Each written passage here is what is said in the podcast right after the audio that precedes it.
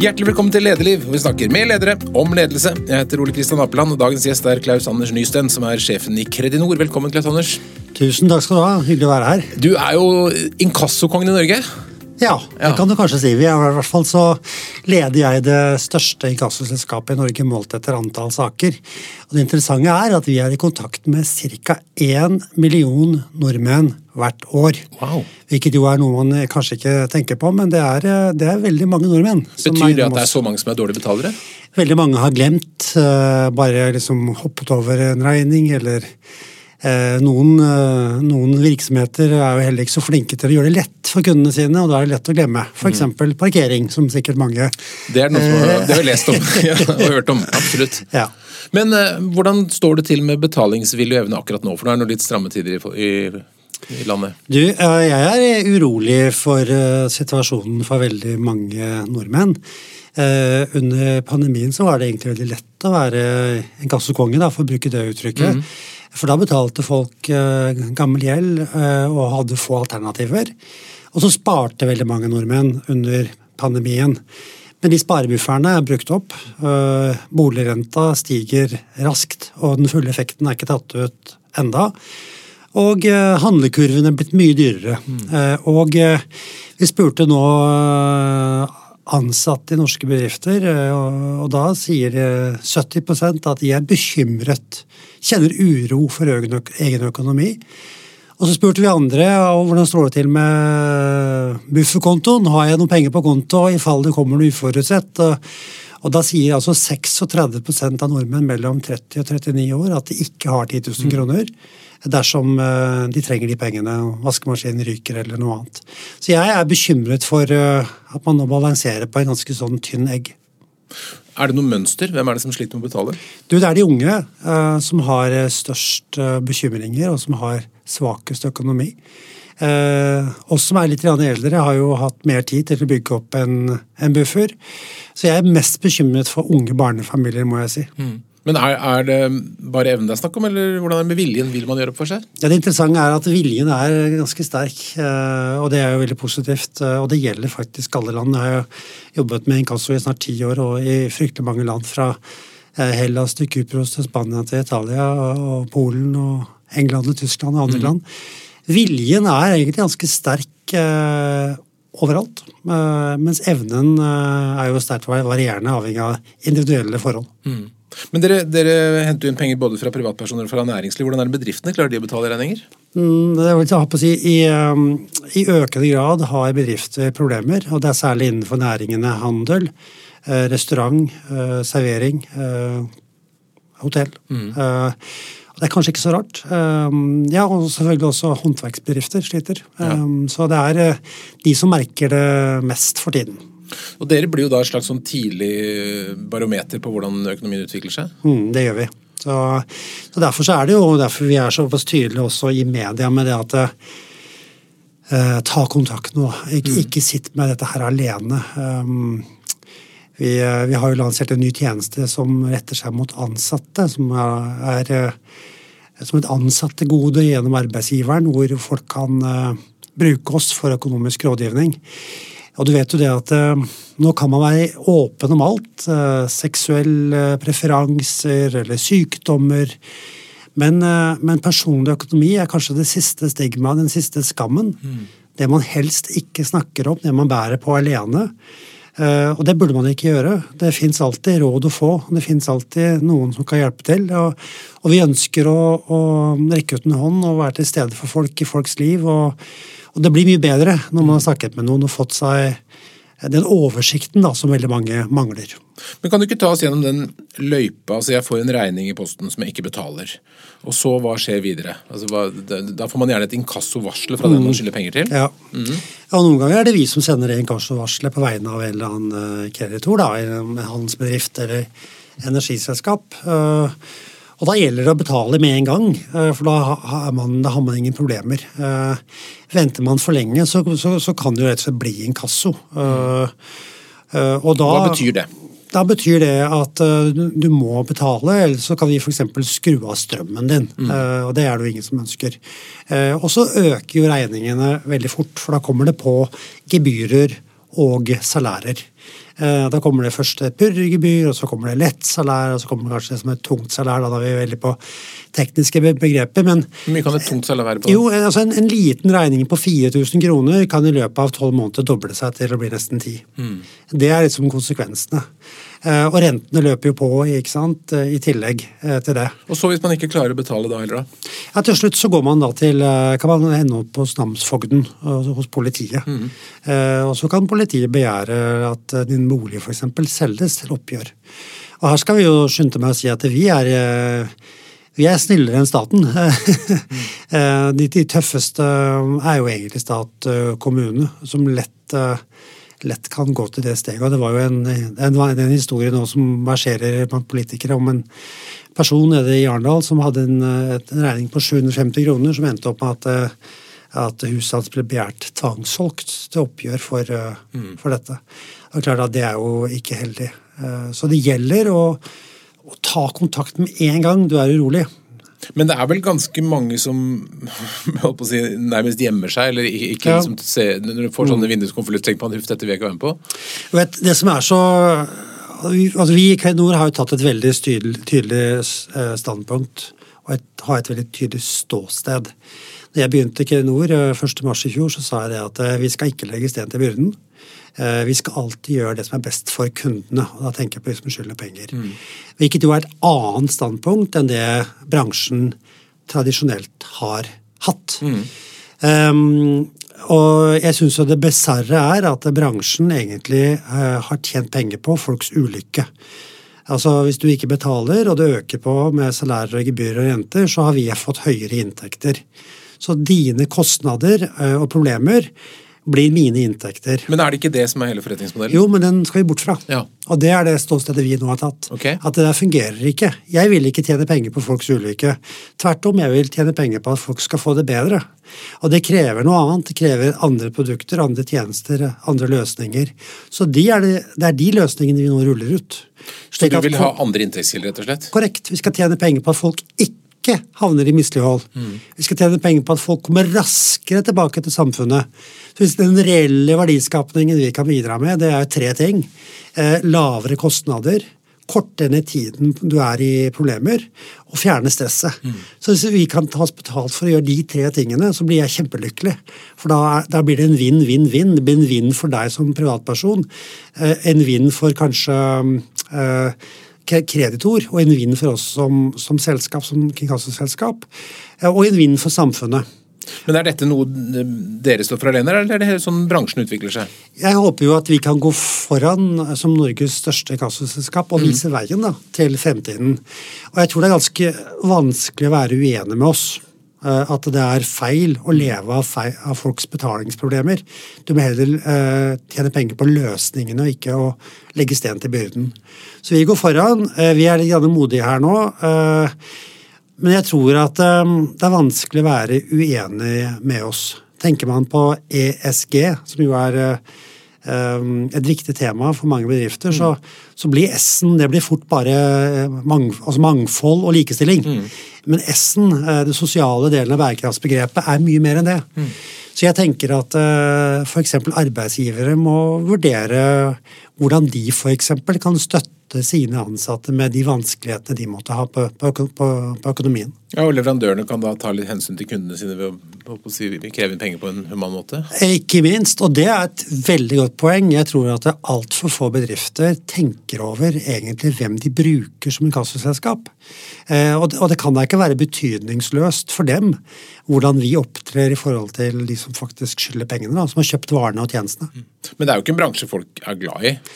Nei, men jeg håper, nei, men du Jeg har ikke, er, jeg har ikke målt omdømmet deres, det var morsomt gjort, egentlig.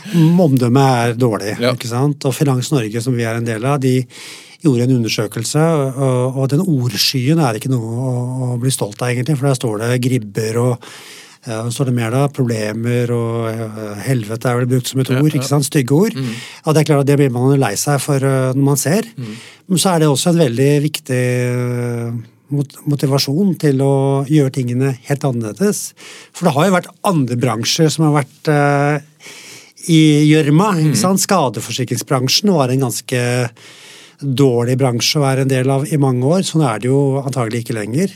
Den gangen jeg ble økonomidirektør i Posten, så var ikke det populært. Eh, for vi skulle legge ned postkontorer, og da var det, eh, da var det eh, sånne demonstrasjonstog utenfor hovedkontoret til, til, Posten, hvor ordførere kom fra hele landet og, og, protesterte mot at postkontoret skulle legges ned. Men det er vel ingen som savner postkontoret i dag. Ikke så mye. Nei. Men har du en dragning mot upopulære virksomheter? Nei, men jeg har en dragning mot endringsprosesser og uh, gjerne radikale skift. Uh, den gangen jeg kom til Posten, så levde vi jo bare av A-posten. Uh, posten i dag er jo noe helt annet. Det er blitt et moderne kommunikasjons- og logistikkselskap. helt annerledes enn det det var. Og det så vi allerede i 2001 var nødt til å skje. Så jeg liker store og kraftfulle endringer som, som vi nå er i gang med i Kredinor. Mm. Du har jo en uh, veldig spennende CV med, med masse altså Du har vært i, i uh, Inkasso, ulike selskaper. Du har vært i Entra, eiendomsselskap som eier det huset vi sitter i nå, bl.a. Ja. Statoil Food Retail, Storebrand Bank, Posten, du har Hydro Seafood, og så før det i Marine. Det er ganske sånn, men hva er, den, hva er den røde tråden i, i, din karriere, vil du si? Den røde tråden er nok uh, endringer. Um, jeg har jo også gjort tre børsnoteringer opp gjennom årene. Og, og jeg liker dette her med å ta noe ut til en annen fase. altså Statoil Retail da, det var jo et, uh, integrert, en integrert del av Statoil, nå Equinor. Det å ta det ut, rive det ut av, uh, av Statoil den gangen og la det stå på egne ben og bli et selvstendig, flott selskap, mm. var veldig spennende. Entra var jo, når jeg kom dit, en del av, av staten, rett og slett. Det å kunne Eh, lage en ny strategi, rive det ut av staten. Mm. lage Norges flotteste eiendomsselskap eh, og få det til med en ny strategi bare bygget på, på miljø, var utrolig spennende. Det vi gjør nå med, med Kredinor er også utrolig utrolig interessant. Det å lage noe nytt ut av en veldig gammel bransje. Mm. Vi ble etablert i 1876 ikke sant, og holdt på lenge, men det gjør tingene radikalt annerledes på en bærekraftig måte, og det motiverer meg veldig. Så gøy. Men hvis vi starter altså, uh, Hvis vi går helt tilbake til marinen, da. for ja. det, var, det, var, den første liksom, tiden det var. Uh, og det regner med at det var der lederskapsegenskapene ble, ble, trent. Hva, hva, gjorde du der? Du, jeg gikk da befalsskole og uh, sjøkrigsskole. Um, og så var jeg først på fartøy og har vært et, nesten tre år. To år på MTB og ett år på fregatt som det som eh, Det het jo intendant da, i gamle dager, altså økonomisjef om bord. Ja. Um, den gangen hadde vi jo safe med kontanter i, så vi betalte ut eh, penger til eh, til de menige hver 14. dag, da, og førte regnskaper, bestilte proviant. Eh, men du var jo også en del av eh, offiserskollegaet om bord, så du hadde jo mange andre roller også om bord. Men jeg skal jo betro deg at det jeg likte best, var å kjøre båt. Ja. Eh, det syns jeg var det morsomste, og ikke minst kjøre MTB. da. Ja, for Motortorpedobåt er en liten ganske rask båt, er det ikke det? Det er en liten rask båt, så, og da var det jo å kjøre innaskjærs. Mm. På steder som fienden antagelig ikke ville tørre å kjøre. Det var jo det vi trente på.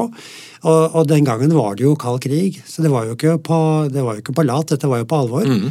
Eh, så vi har bedrevet uh, ubåtjakt med MTB. For det var én MTB som hadde sonar. Så det var spennende greier. Så gøy. Fant du en ubåt? Vi trodde vi hadde en på En som vi forfulgte ganske lenge, inn i Ofotfjorden. Men om det var en ubåt eller ikke, det vet jeg faktisk ikke. Vi sendte lydopptakene inn til analyse, men vi fikk aldri noe beskjed om om det var en Nise, en hval, eller om det var en russisk MTP. det vet, jeg vet Man kanskje aldri vite, dessverre. Nei, dessverre. men, men, eh, hadde du også en dragning mot ledelse? Ville du bli sjef? Ja, det tror jeg nok at jeg alltid har uh, hatt et ønske om å i hvert fall ta og ha ansvar. Jeg liker å ha ansvar og ta ansvar, og det må du faktisk gjøre som sjef. I gode og dårlige tider. For det er jo veldig gøy når det går godt. Mm. Eh, men det er veldig interessant når det går dårlig også. Eh, og spennende å få noe til sammen med andre. Mm. Eh, for lederskap må man jo utøve i, på et lag. Det er, et, det er, et, teamarbeid, og jeg tror de årene om bord på en måte er ganske transformative, fordi, eller definerende. Fordi at når man er en gjeng om bord på et fartøy, så må du jobbe som et maskineri. Litt som et symfoniorkester. Alle er like viktige. Eh, og det å få det til er, eh, er krevende. Og, men når det lykkes, da, mm. så, så, så, hører du den musikken også. ikke sant? Du vet at dette er noe fint. Du vet at man utfyller hverandre. Det å kunne rekke ut en hånd, støtte hverandre, um, gi hverandre ærlige tilbakemeldinger. Kjempeviktig, altså. Så det derre kultur, eh, lagbygging, det å tro på noe større, det kjenne på drømmen, ikke sant? visjonen, det syns jeg er utrolig morsomt. Å skape den drivkraften. da. Hvordan vil du beskrive din lederstil sånn som den er i dag? Du, jeg er nok en ganske ambisiøs eh, person og en ganske utålmodig person. Jeg vil ha fremdrift. Eh, jeg forsøker å være ærlig og tydelig og rak. Eh, så trives jeg veldig godt med ledere som, som, som selv også tar ansvar da, for sine områder. Um, når ledere ikke gjør det, så, så, må jeg jo ta tak i det også. Og det kommer jo med jobben, liksom. Mm. Men det igjen skaper psykologisk trygghet i et team hvor vi er ærlige med hverandre, der det ikke er noe som er skjult. Men vi jobber sammen. altså Det er stor forskjell på å være i en gruppe av ledere og en ledergruppe. Det er helt forskjellig. Så jeg er veldig opptatt Hva er forskjellen? si litt om det. Gruppa ledere, da kan, du, da kan du, sitte der som representant for et område. Mm. Og, og tenke mest på det i din egen lille silo, eh, og ikke bry deg så veldig mye om helheten. En, en velfungerende, eh, velpresterende ledergruppe, det er noe helt annet. Der eier vi agendaen sammen. Der er det stor grad av gjensidig avhengighet. Så jeg snakker veldig mye om det om manage between the boxes. Eh, det ble jo engelsk her nå, da, men mm. det å lede på tvers av enheter, se det større perspektivet. Både være en, en drømmer, det å kunne utvise eh, kjærlighet, støtte. Eh, det å også være en kriger når det, når det trengs. altså det å kombinere flere elementer av lederskapet i et lederteam, hvor vi utfyller hverandre og vi kan spille ulike roller, det har jeg kjempetro på. Mm. Men Du har opplevd flere ganger å komme inn i en ledergruppe. Hvordan etablerer du da et sånt eh, velfungerende team? Det bruker jeg tid på, rett og slett, for det krever faktisk tid. Uh, Eh, og det å etablere psykologisk trygghet, det, det, kan du ikke bare snakke om. Du må, du må, faktisk gjøre det og vise det. At man Hvordan gjør du det? Jo, at man bryr seg. Mm. At man er litt personlig, kanskje litt privat også, og, byr på seg selv. Eh, og tørre å vise både styrker og svakheter, og, og også sårbarhet. By på det. Og vise at det er ikke så farlig. Det går bra, tross alt. Vi er bare mennesker. Mm. Vi, vi vi blir ikke bedre enn de vi er, men vi blir bedre sammen. Eh, så jeg snakker ofte om det at vi er sterkere sammen enn det vi er alene. At vi er noe mer enn eh, summen av enkeltindividene. Og noen ganger så, så, slår det her eh, utrolig bra ut, syns jeg. da, At du kjenner liksom at det, det er en genuin støtte der. og Man kan være, være, der for hverandre i, i, gode tider, men også når det er litt krevende. At man har den energien. da. Hvor stor, kan, hvor stor bør en ledergruppe være? Du, Jeg har hatt ledergrupper som har vært fra 15 personer ned, til 5, liksom. Mm. Eh, så jeg tror kanskje mellom 5 og 5 til 10. Mm. Og særlig over det. Da blir det fort et litt sånn seminar. ikke sant? Eh, man kan være ganske effektive på et seminar òg, men det blir ikke det helt samme. Mm. Når, hva er liksom kjennetegnet på at, du, på at ledergruppa funker, da? Når um, tingene skjer litt av seg selv, føler jeg. Og når vi kan øh, nærmest legge bort øh, sakene og snakke om det som virkelig betyr noe, og som er viktig. Mm. Og også når vi har det gøy. Og ha det gøy betyr Kanskje gøy er et feil ord, da, men når man har det veldig interessant. da, mm. altså Det er veldig det er spennende. At vi får til noe mer enn det man kanskje trodde. Nå, nå har vi, jo, vi, vi har jo startet vår egen lille satsing nå, da, som heter Kan. som er kanskje vår, eh, vårt finn.no eller vårt uh, VIPS, mm. som, til, som, er en radikal innovasjon i en etablert virksomhet. Det er noe vi alle sammen brenner for og mm. kjenner for. Uh, og som vi tillater får lov til å ha sin egen dynamikk. Og det er et sånt felles barn, nærmest, i, fra, fra gruppa, ledergruppa. Hva er det som skal skje der? Hva, hva skal det gjøre? Du, det er morgendagens inkasso. Mm. Det er alt det vi forsøker å teste. Vårt eget laboratorium. Eh, og nå leverer Kan en tjeneste, det er som et, en tjeneste levert gjennom arbeidsgiveren, mm. hvor ansatte kan få økonomisk eh, rådgivning gjennom en løsning som heter Kan, som både er en digital løsning, eh, men, men også er støttet opp av kvalifiserte rådgivere, hvor eh, de ansatte som måtte bekymre seg, kan kontakte kan og, og få den, de rådene og den støtten mm. de trenger. Den ledergruppen som du har i dag, hvor mye tid bruker dere sammen? Ganske mye tid. Vi har en heldag hver 14. dag, og så, og så jobber vi jo sammen i andre fora også. Mm. Så reiser vi bort en del. Vi har vært på hytta hos meg et par ganger, og vi forsøker å gjøre det til lav kost. da. Eh, men vi gjør det hyggelig. Vi har vært på sykkeltur i, i, i Nordmarka over, overnattet på Kobberhaushytta, så man kan gjøre ganske mye sammen. Så du prøver å lage en gjeng, liksom? Lage en gjeng. Mm.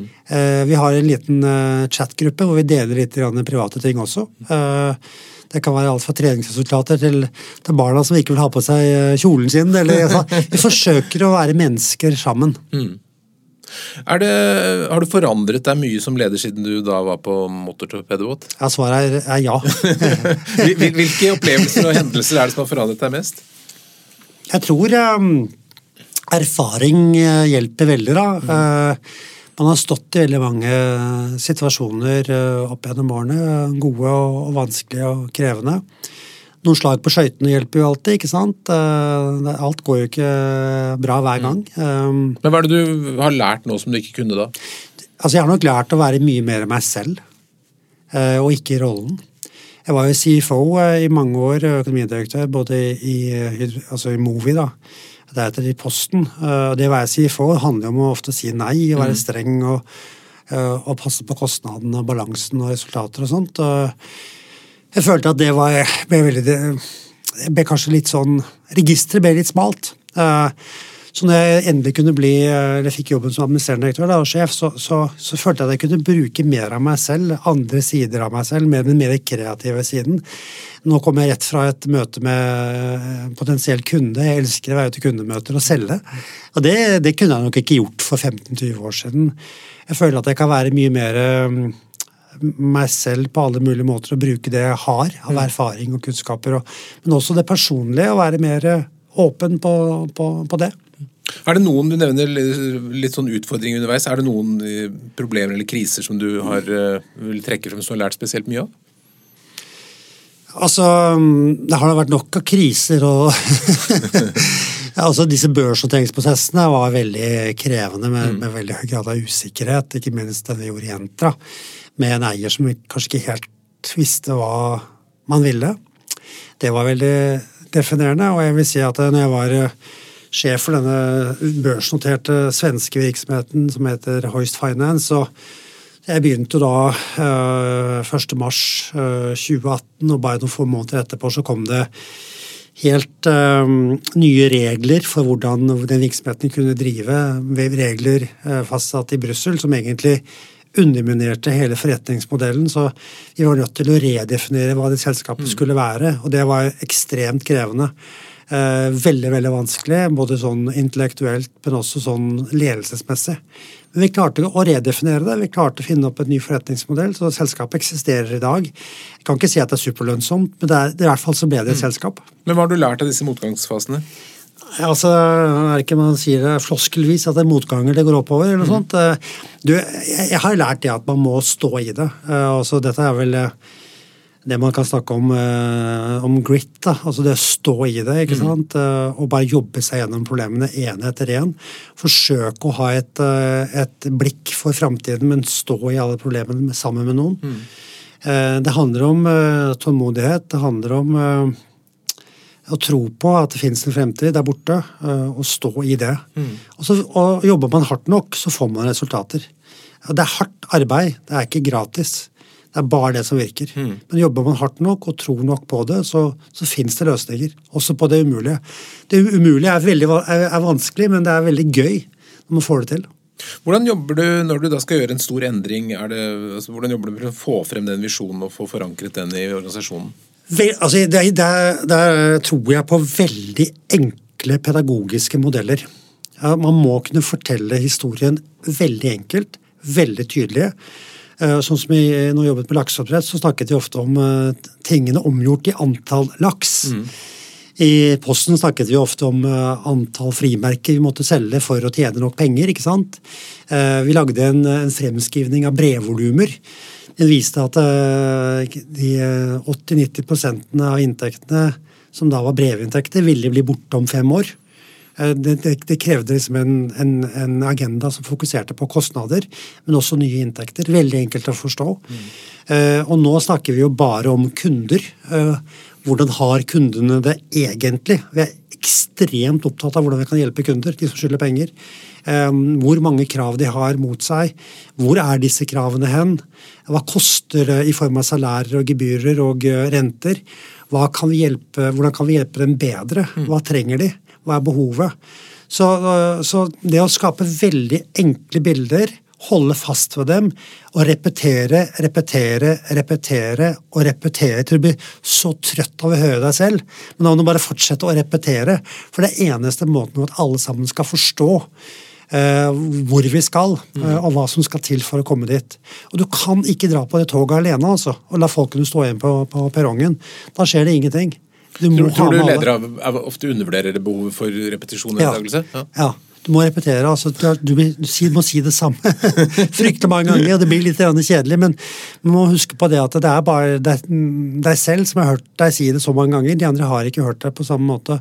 Og så må man bruke mange kanaler. man må bruke video, man må bruke plansjer, man må kunne stå og snakke om sin historie uten støtte og gjøre, det litt personlig. og mm og jeg tror jo liksom litt på det der purpose, altså. At jeg kjenner at det betyr mer og mer for meg. At det, at det må komme innenfra. At folk må, må, gå på jobben, ikke for å kreve inn penger, men for å løse folks betalingsproblemer.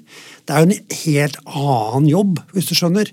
Eh, og det å skape de bildene, det, det, det hjelper, altså. Det er jeg helt sikker på. Ja, for jeg tror mange ville stusse sånn umiddelbart og tenker at jeg er veldig opptatt av viktig formål eller purpose i livet, og så derfor jobber jeg med inkasso. Det, det, er jo ikke noe som er helt uh, intuitivt. Nei, men Det er jo et ganske fint formål å jobbe med folks uh, betalingsutfordringer. Absolutt. Å løse folks reelle hverdagsproblemer tenker jeg er kjempefint. ja. Men Treffer du noen kunder, altså, eller skyldnere, eller hva du kaller ja, ja. det? Ja. Og det er veldig interessant. Altså, vi har gjort mer enn 200 Eh, fokusintervjuer med de som skylder penger i år. Mm. Mer enn 200. Jeg tror ingen andre selskaper har gjort det samme. Ikke som jeg er, eh, Har du vært med på det? Ja, ja. flere. Det er superinteressant.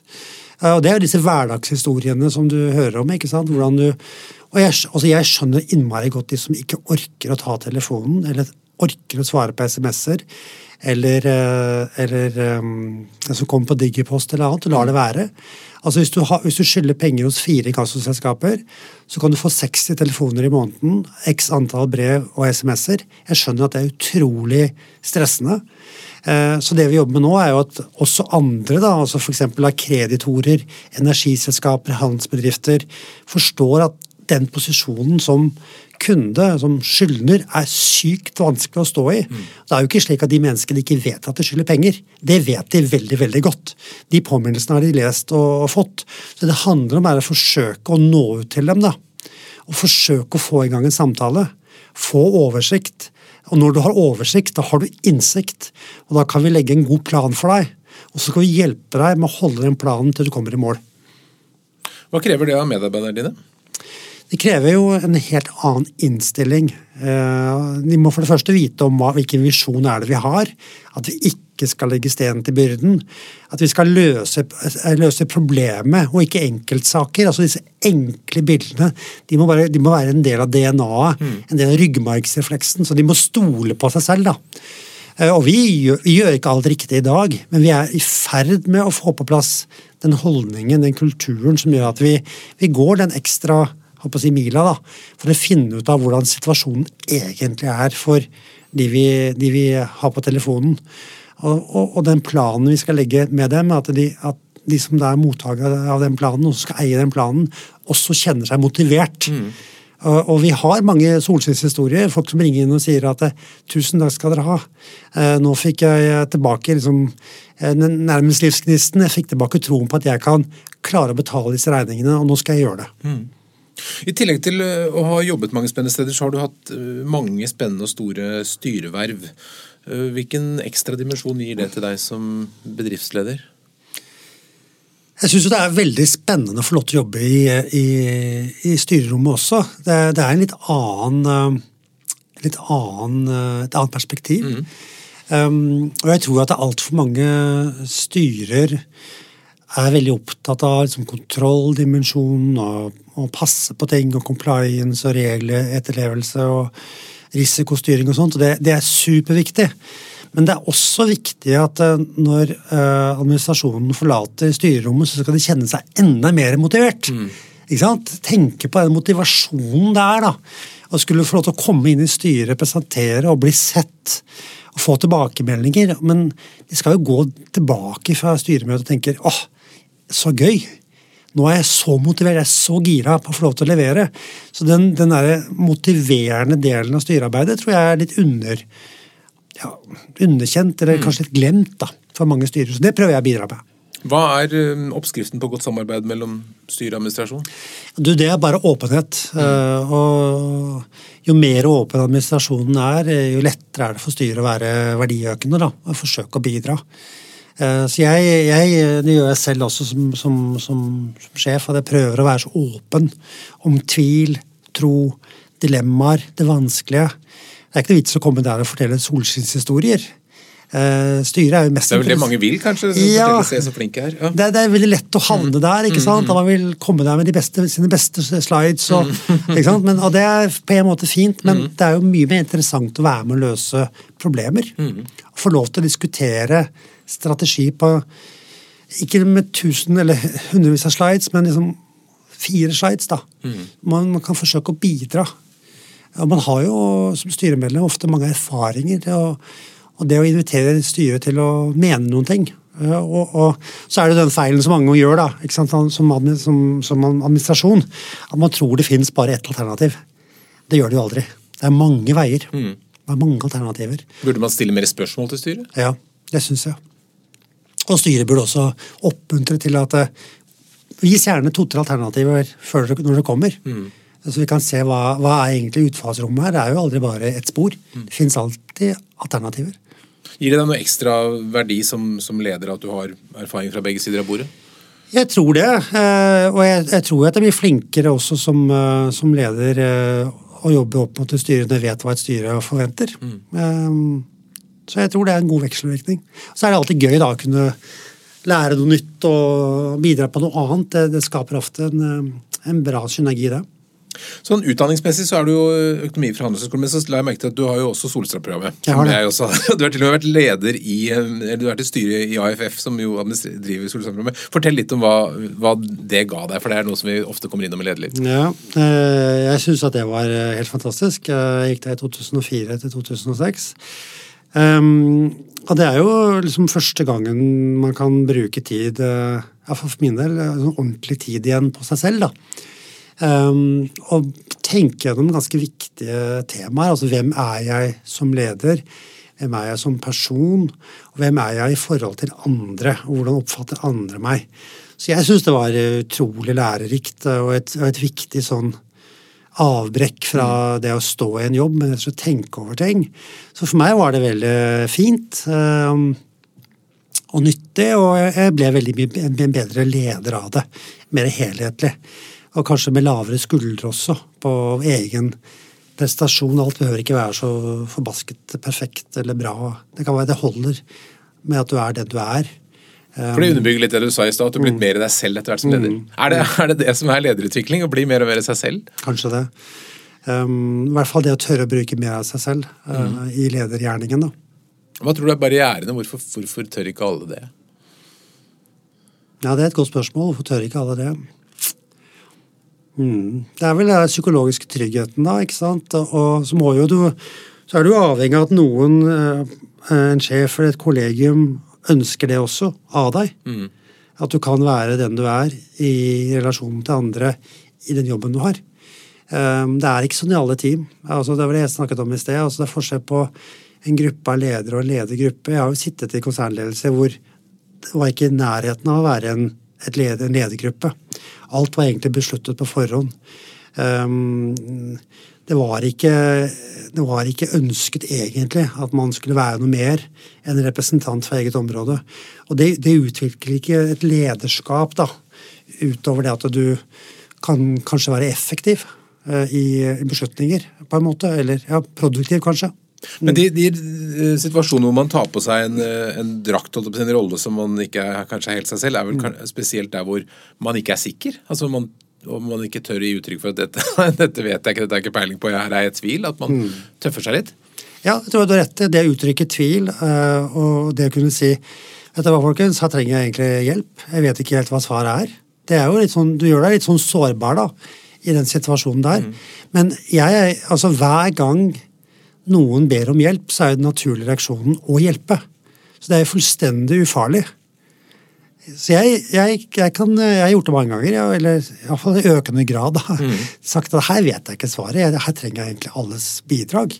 Det er jo kjempefint. Da vil jo alle bidra. Det er veldig positivt. Så det å be om hjelp er helt fullstendig ufarlig. Men man er kanskje redd for å fremstå som en, som en lite kompetent eller svak leder. da. Det er det som er. Og det er jo helt misforstått. ikke sant? Det er, det er jo det er jo tegn på styrke, det er å be om hjelp.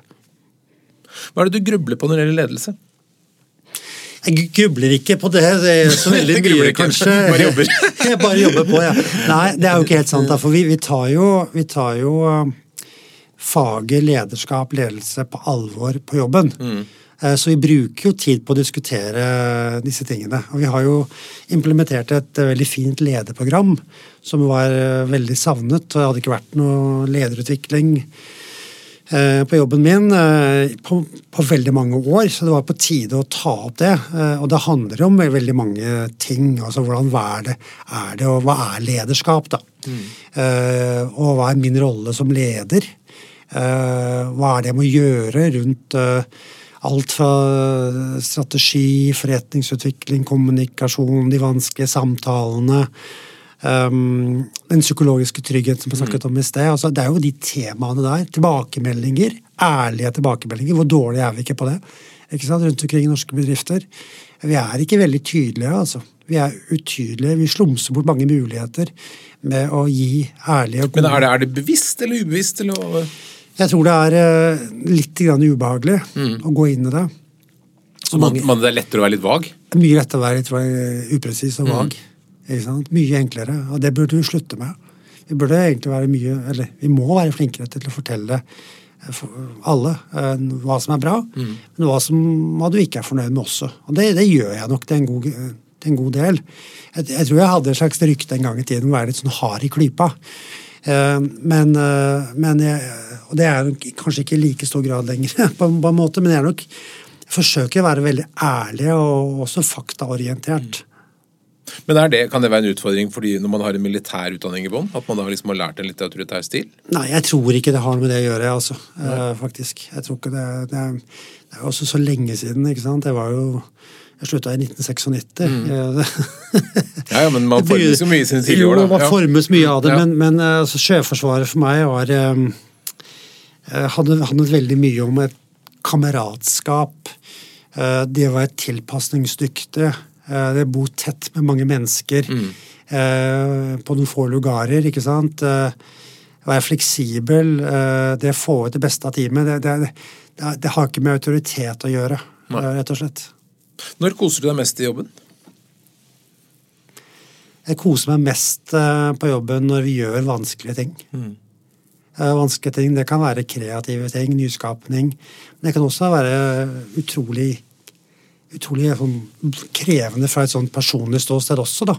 Det å utvikle folk, eller eh, det å håndtere mm, utfordringer som vi ikke har håndtert tidligere. Det, det, Men, men litt tilbake til det vi var i stad med at mange nå sliter med å betale, og dere si, driver dem jo da frem til at man tar huset deres eller eiendelen deres til slutt. Har dere noen påvirkning? Kan dere si at her venter vi litt, det tror vi ordner seg på sikt? Hvilken rolle har dere der? Ja, det gjør vi i veldig stor grad. Vi vil jo aldri nesten gå til det steget og kaste ut noen. Det, det, er, liksom, det, da, det er nesten mot vår natur. Det vil vi helst ikke gjøre. Men, men må man, så må man. Altså det, ja, det er jo slik i samfunnet da, at det, når noen kjøper på kreditt, eller noen har tatt opp et lån, så er, så er det jo en risiko med det lånet eller den kreditten. Eh, men den risikoen må være så lav som mulig, ellers så blir kostnaden for alle andre veldig høy. Hvis det er slik at eh, hver man ikke betalte for seg, så vil jo kostnaden bli dyre, høyere for alle andre.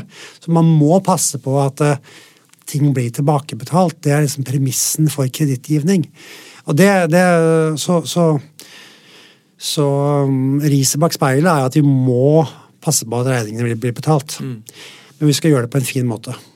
Hvis vi ser litt fremover, Du sier at dere prøver å lage fremtidens uh, inkassoselskap. og Det skjer jo en hel del spennende ting på teknologisiden. Hvordan tenker du det kan påvirke inkassobransjen, eller Kredinor særlig? Det kommer til å påvirke alle, eh, og det påvirker alle allerede. Eh, vi har jo gode selvbetjentløsninger i dag som gjør at folk kan være selvbetjente. og det, det, fantes ikke bare for noen år tilbake, så nå kan du i prinsippet eh, logge deg på og løse dine saker helt uten å være i kontakt med noen mennesker. Da. Eh, men veldig mange trenger noen å snakke med, noen trenger et råd, trenger en stemme og et fjes, og det kan vi også bidra med. Men så kommer det jo Altså AI er vi jo i ferd med å teste ut nå. Uh, hvordan kan vi være raskere, smidigere, bruke erfaring som vi har, til det beste for, uh, for kundene våre. Så det digitale, vi har bare sett starten på det, altså. Tror du det kommer til å bety at dere blir en mindre virksomhet etter hvert? Altså, Hva er definisjonen på mindre? Altså færre ansatte? Mm. Mm, det kan hende. For dere er 500-600 nå? Vi er 600, ja, i Norden. Mm. Jeg tror nok at noen oppgaver kommer til å forsvinne og bli løst av uh, digitale løsninger. Det tror jeg. Men så tror jeg det kan komme nye behov, uh, nye produkter, nye tjenester, som gjør at vi kan uh, forsøke å beholde mange ansatte og utvikle oss til å gjøre andre ting. Mm. Jeg nevnte i sted rundt denne kan-tjenesten. Som jeg blir nysgjerrig på den. det må du teste, vet du. Ja, ja. Som jo er superfin, og som veldig mange ansatte trenger. Mm. Den, eh, er, det no, er, det noe selskap som inspirerer deg spesielt når du er ute og skal utvikle nye ting på den måten? Altså, Det er jo ikke så veldig mange bedrifter som er så veldig nyskapende. ikke sant? Eh, så Man må jo finne eksempler der de er. Jeg nevnte jo finn.no og Vips eh, som to eksempler. Altså, Jeg, jeg liker den radikale eh, transformasjonen. altså Jeg syns det er superspennende å få lov til å gjøre tingene på en helt annen måte og teste ut nye forretningsmodeller. Um, og så er det jo slik at det, veldig mye av det vi gjør, gjør, handler om kontinuerlig forbedring. At alle sammen hver dag tenker på hva kan jeg gjøre litt bedre i dag? Hva kan jeg robotisere? Hva kan jeg automatisere? Hva kan jeg digitalisere? Mm. Hvordan kan jeg bruke kompetanse? Det er jo, jeg snakker jo alltid om at um, hvordan kan man øke kompetansen hos andre?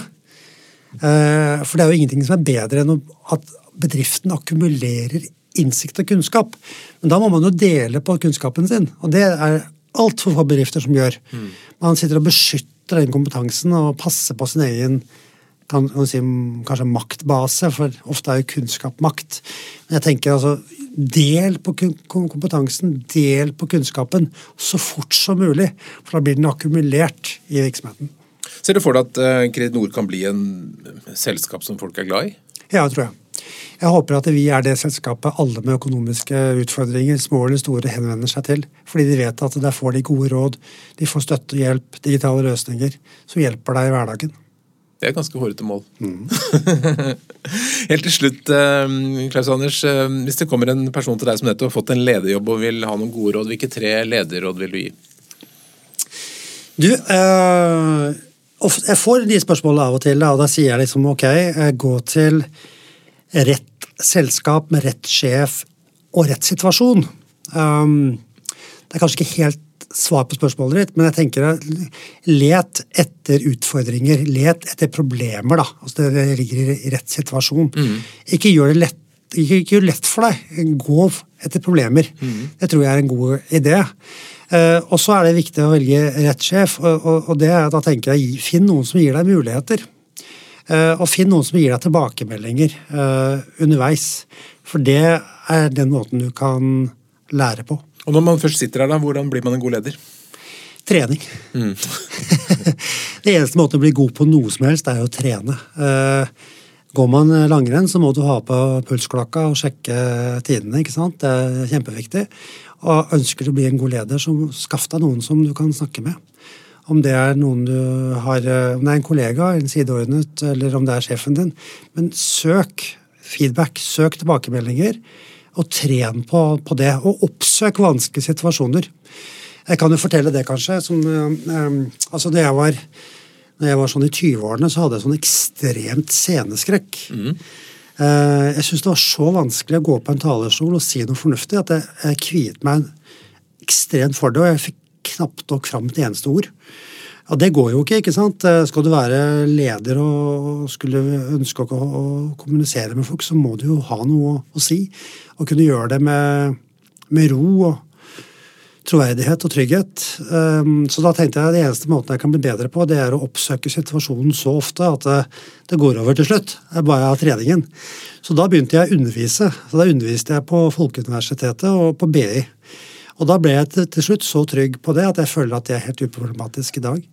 Eh, og i dag så eh, syns jeg det er spennende eh, interessant, eh, hyggelig og energigivende å få lov til å snakke om de tingene som uh, jeg har på hjertet. Også her. Også her. Veldig bra. Klaus Andersen, tusen takk for at du kom til Lederliv. Bare hyggelig.